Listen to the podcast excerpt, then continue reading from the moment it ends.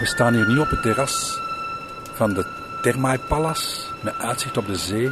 Het is een regenachtige dag. Ik denk dat het niet zal ophouden met regenen. Je ziet geen kat op het strand. Het brede strand. Er staan vrij hoge golven. En het grijs van de zee gaat genadeloos over in een continuum naar de hemel, de lucht, waar ook geen enkele nuance in zit, geen enkel wolkje. Eén grijze, gelukkig zo'n soort van lichtgrijze massa, waar af en toe een meeuw doorvliegt. Maar die meeuwen die zijn zelfs geruisloos. Het enige wat je hoort is het geluid van de golven en het tikken van de regendruppels.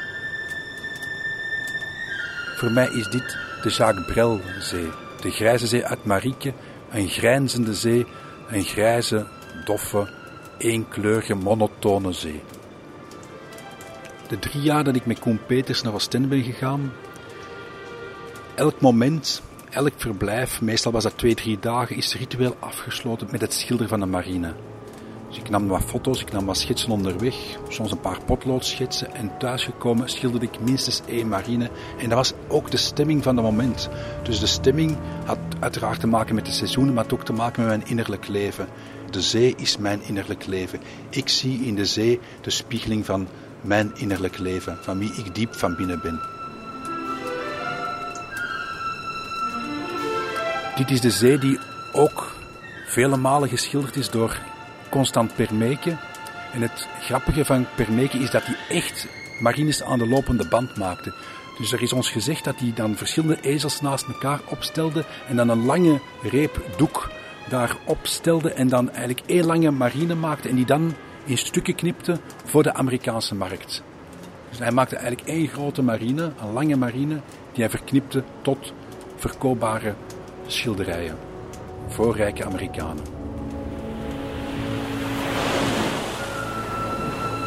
Permeke, de gelukkige kunstenaar.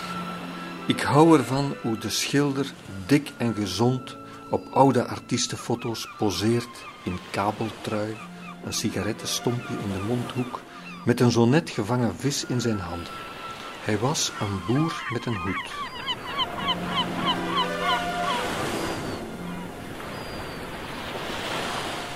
Ja, uh, voor mij was Permeke ook echt wel een vakman.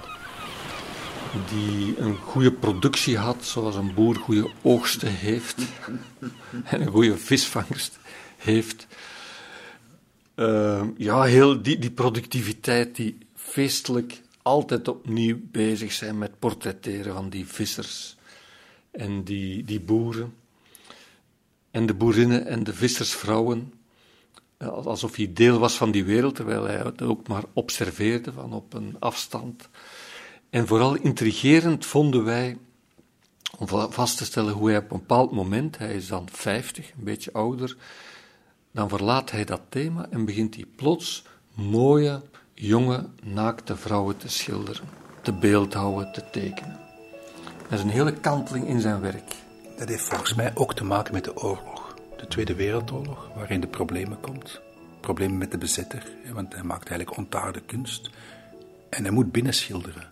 Dus hij kan eigenlijk alleen nog maar modellen schilderen.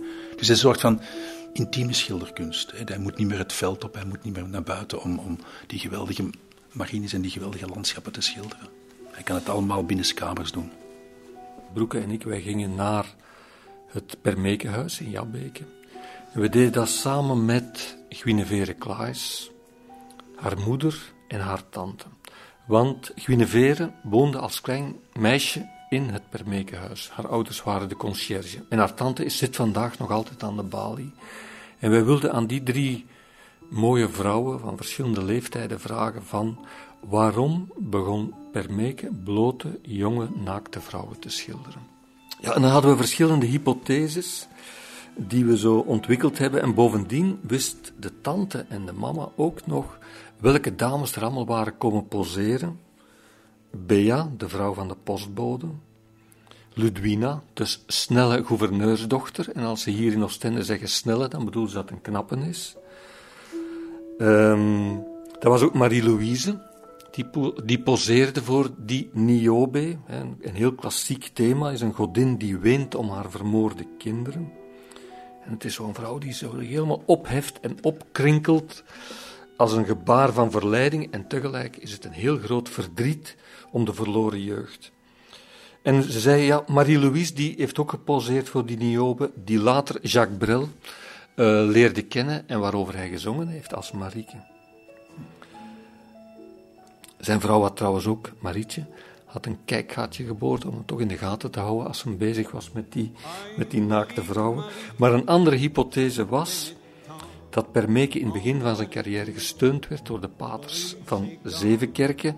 En toen de abt overleed en ze geen werk meer aankochten, toen was die noodzaak om die paters te behagen, die was weg. En dan kon hij eigenlijk vrijer werken.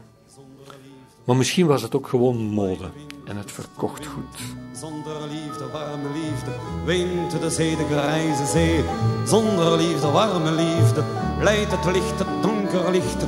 En schuurt het zand over mijn land, mijn platteland, mijn Vlaanderenland. Ai, Marieke, Marieke.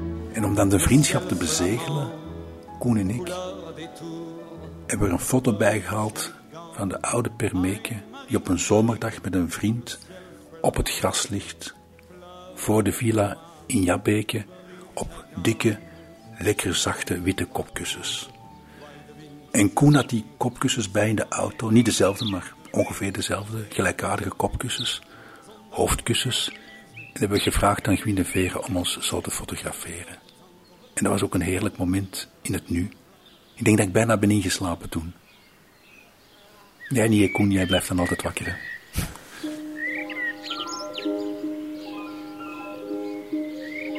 De vrouwen lachen. We eten nog een stuk van de voortreffelijke kaastaart. Dan halen Broeke en ik onze kussens boven en gaan liggen op het gras.